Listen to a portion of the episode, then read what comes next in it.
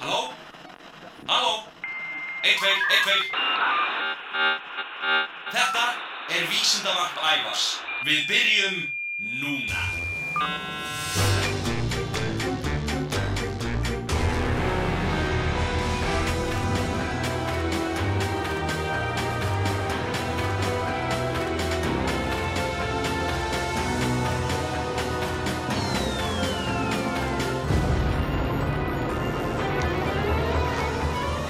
Komiði sæl og verið velkomin í Vísindavarpið. Ég heiti Ævar. Í þættinum í dag ætlum við að fjalla um náttúruna. Og ekki bara hvaða náttúru sem er, heldur íslenska náttúru og dag íslenskar náttúru. Og til að hafa þetta allt saman rétt, þá eru öll hljóðin sem þið heyrið hér í bakgrunninum næstu 20 mínúturnar eða svo úr smiðju Hafdísar Bjarnadóttur. Hún fór ringin í kringum Ísland, tók upp hljóð úr náttúrunni og gaf þau út undir nafninu Sounds of Iceland eða Íslands hljóð. Við skulum byrja.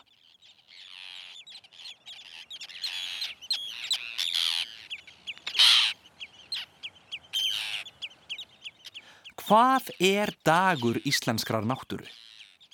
Þann 16. september 2010 á 70 ára afmæli Ómas Ragnarssonar var ákveðið að sá dagur erði upp frá því tilengaður íslenskri náttúru. Felst í þessu viðurkenning á framlægi Ómars til náttúruverndar og almenningsfræðslu um mikilvægi íslenskra náttúru sem á allara þeirra sem lagt hafa sitt að mörgum til að fræða um íslenska náttúru.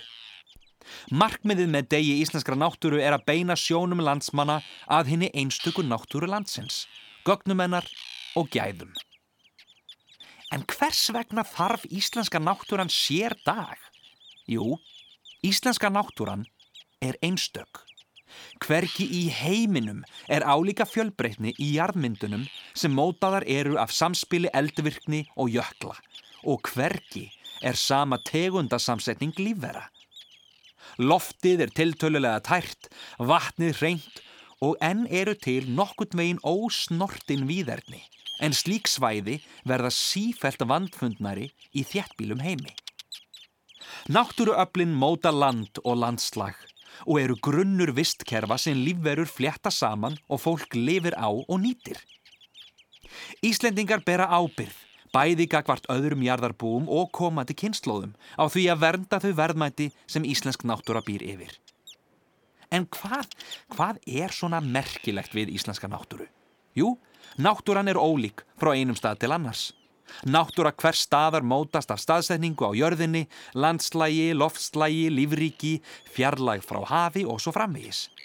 Ísland er stór eiga út í Allandshafi og hefur mikla sérstöðu. Þrjú megin öll hafa haft mest áhrif á íslenska náttúru og mynda með samspili sínu landslag sem er einstakt á jörðinni. Þetta eru möttulstrókur, flekaskil og jöklar. Í möttulstrókum streymir orka frá möttli jarðar upp til yfirborðs.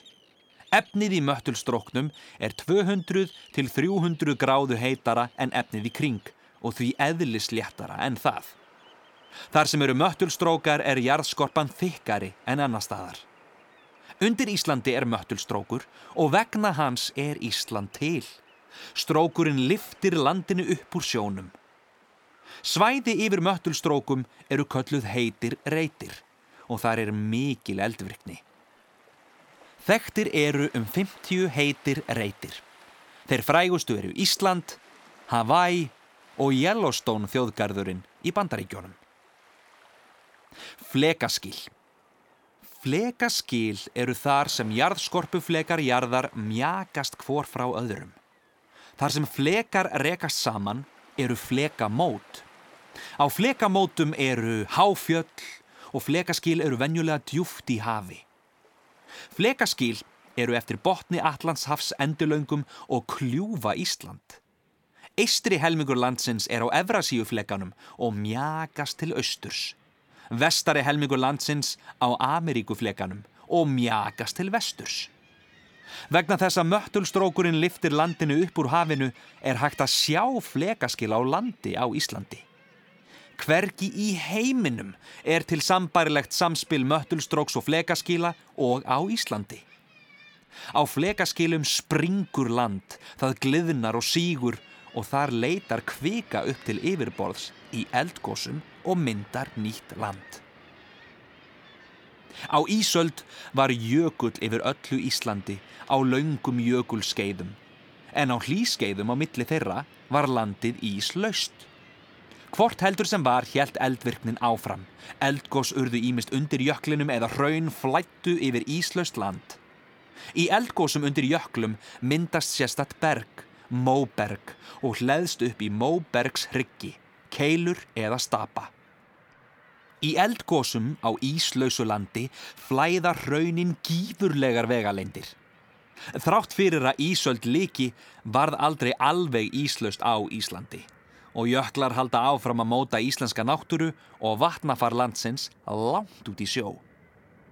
Þegar verða eldgós undir jökli bráðnar mikill ís og frá jöklinum streymir gífurlegt magna vatni, jökulhlaup sem riður sér leið til hafs og getur þá grafið mikil gljúfur og skilið eftir sér víðfema sanda.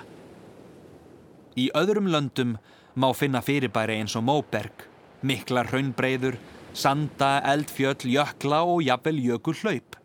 En hvergi í heiminum er öll þessi fyrirbæri að finna í einu landi nema á Íslandi.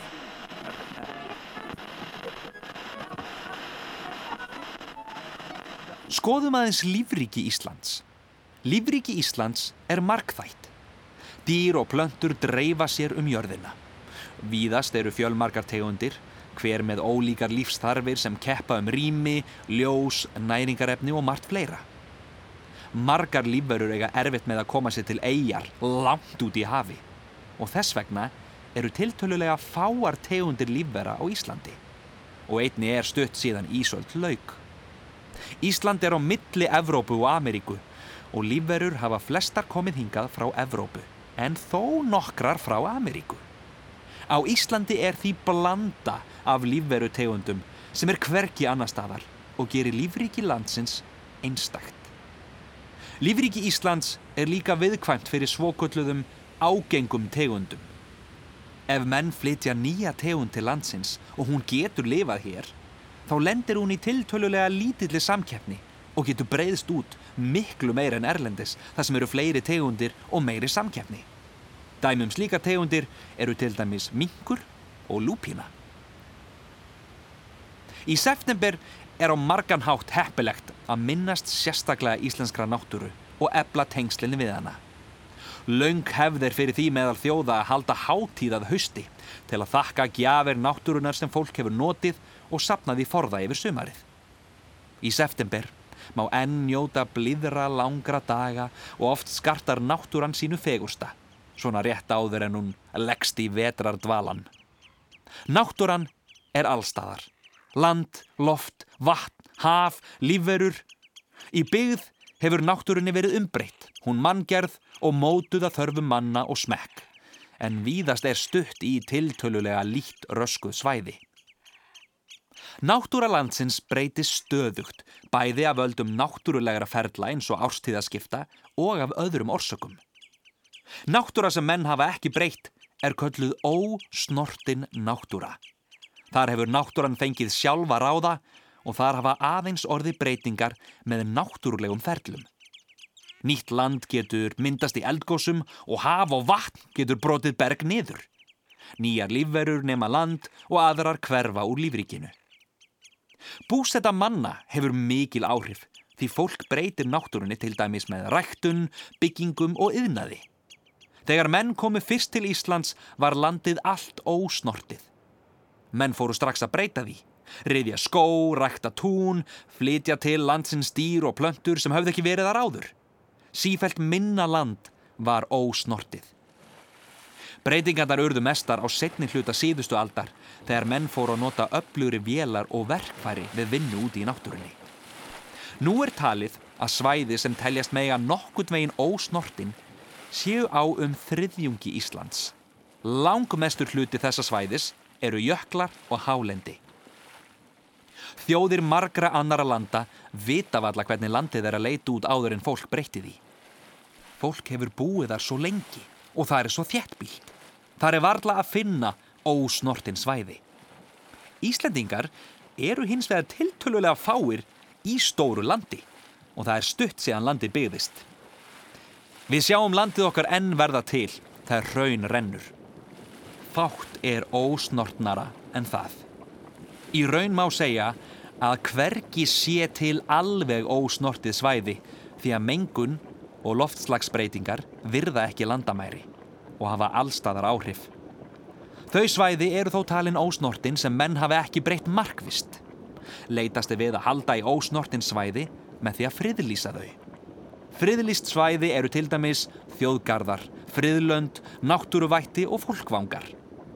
Friðlýst svæði er ekki öll ósnortin en flest þó að einhverju eða miklu leiti.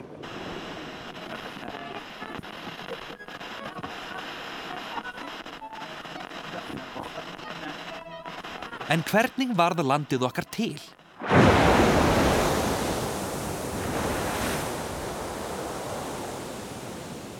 Jörðin er 4600 miljón ára gömul, sem er svakalega hára aldur. Hún er stöðugt að þróast og breytast, lönd að færast til, nýjað myndast, nýjar lífverutegundir að koma fram, aðrar að deyja út. Okkar tegund manna kom fram fyrir um 200.000 árum og miða við aldur jarðar er bara augnablík síðan það var. Náttúran getur vel verið án manna en fólk er algjörlega háður náttúrunni með allar sínarþarfir. Ísland myndast á skilum jarðskorpufleka sem ég var að segja ykkur frá rétt á þann. Í eldgósum kemur þar upp kvika og myndar nýtt berg sem mjagast frá skilunum. Eldgós mynda fjöll og raunbreyður og ný raun og fjöll kaffara þau eldri.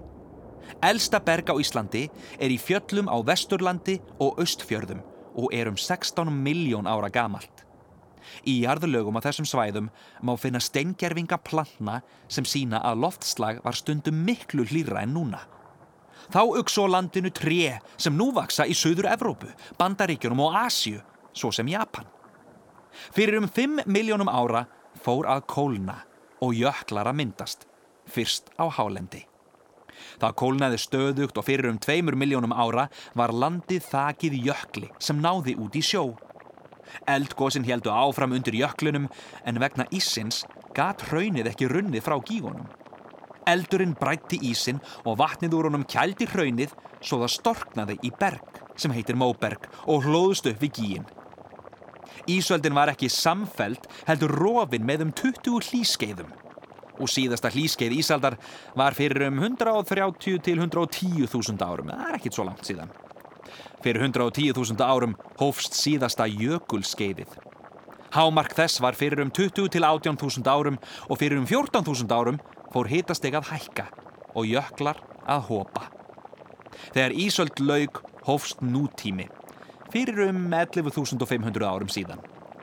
Þegar fargu jökulsins lág ekki lengur á landinu, jógst eldvirkni og var í fyrstu um 30 sinnum meiri en núna. Þegar Ísöld laug voru mjög fáar lífverur á Íslandi. Fræ plantna bárust frá útlöndum með vindum og fugglum. Sjávardýr eins og selir voru ekki lengi að finna landið. Revir komu með ís frá Grænlandi. En önnur landýr komust ekki til landsins fyrir en með manninum. Í fyrstu var tiltölulega hlýtt á Íslandi en fyrir um 2500 árum kólnaði nokkuð og loftslag var svipað því eins og það er í dag. Fyrir um 1200 árum kom fólk til Íslands. Hvað eru þessi 1200 ár stór hluti af 16 miljón ára sögu Íslands? Og hvað hefur breyst á þeim tíma? Hugsaðu málið.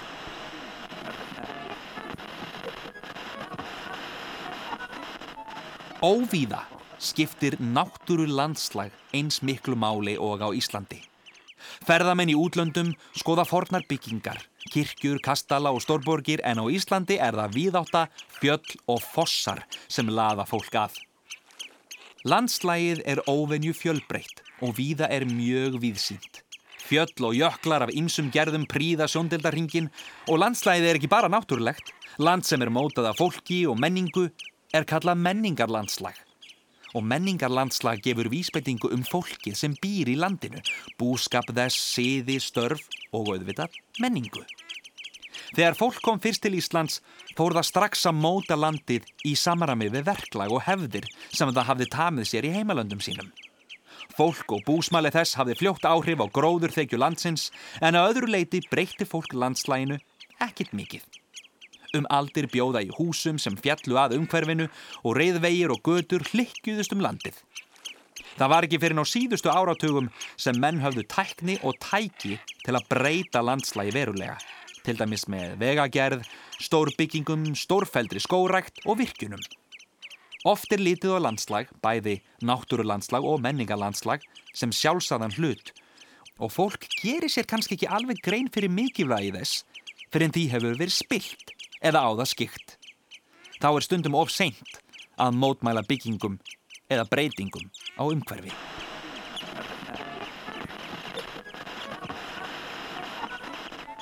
Og að lókun, smá tilraun sem hægt er að gera úti. Ég kalla hana kingimögnuðu köngla tilraunina. Það sem þú þart er þetta. Tvo köngla, skál, vatn og klukku. Hvað átt að gera? Jú, þú byrjar á því að hella vatninu í skálina. Svo setur þú annan köngulinn í vatnið. Geimdu hinn köngulinn við hlið skálarinnar og passaðu að það fari ekki neitt vatn á hann. Býtu í tíu mínútur og svo skaltu bera könglana saman. Hvað gerist? Jú, köngullin sem lá í vatninu, hann lokast. En hvers vegna? Fræ köngla berast með vindinum og þess vegna passar köngullin upp á þau. Hann lokast þegar það fer að rigna svo fræin haldist þurr og létt og geti þannig borist sem lengst með vindinum. Um leið og þú settir köngulinn ofan í vatnið fann hann að allt var komið á flót og lokaðist. Tókst þetta hjá þér? Já, allt var loklokk og læs eða er allt ennþá galopið. Þú getur líka gert eina samanburðatilraun. Þú getur sett köngla út í gluggan heima hjá þér og þannig hefur útbúið þína eigin personulegu veðurstofu. Könglarnir bregðast nefnilega við rakanum í loftinu alveg eins og þegar þeir fóru ofan í vatnið. Ef þeir lokast er rigning á næsta leiti. Ef þeir opnast, þá er gott veður í vændum. Passaði bara þegar þú gerir þesta tilraun að sull ekki út um allt. Og það er líka stundum svona klístruð trjákvoða á könglunum. Passaði að hún fari ekki í fötið þín. Þættinum er lokið. Ég vil þakka sérstaklega mentamálastofnun fyrir að leifa mér að nýta kennsluefni þeirra tengt degi íslenskra náttúru og bend ykkur um leið um að kíkja inn á nams.is nams.is til að skoða þetta kennsluefni. Þá vil ég sömulegðist þakka Hafdísi Bjarnadóttur fyrir hljóðheimin sem skreitti þennan þátt. Ef þið viljið heyra fleiri hljóð frá Íslandi þá skulið þið heimsækja vefsíðun hennar Hafdísar hafdísbjarnadóttir.com Um leið að sjálfsögðu vil ég benda á heimasíðu þáttarins rúf.is skástrík ævar en þar getið þið hlustað aftur á þennan þátt alveg oft og þið viljið en líka hlaðið niður gömlum vísindavörpum og hlustað á þau hvar og hvenar sem er. Til hamingjum í dag íslenskrar náttúru, ævar vísindamaður, yfir og út.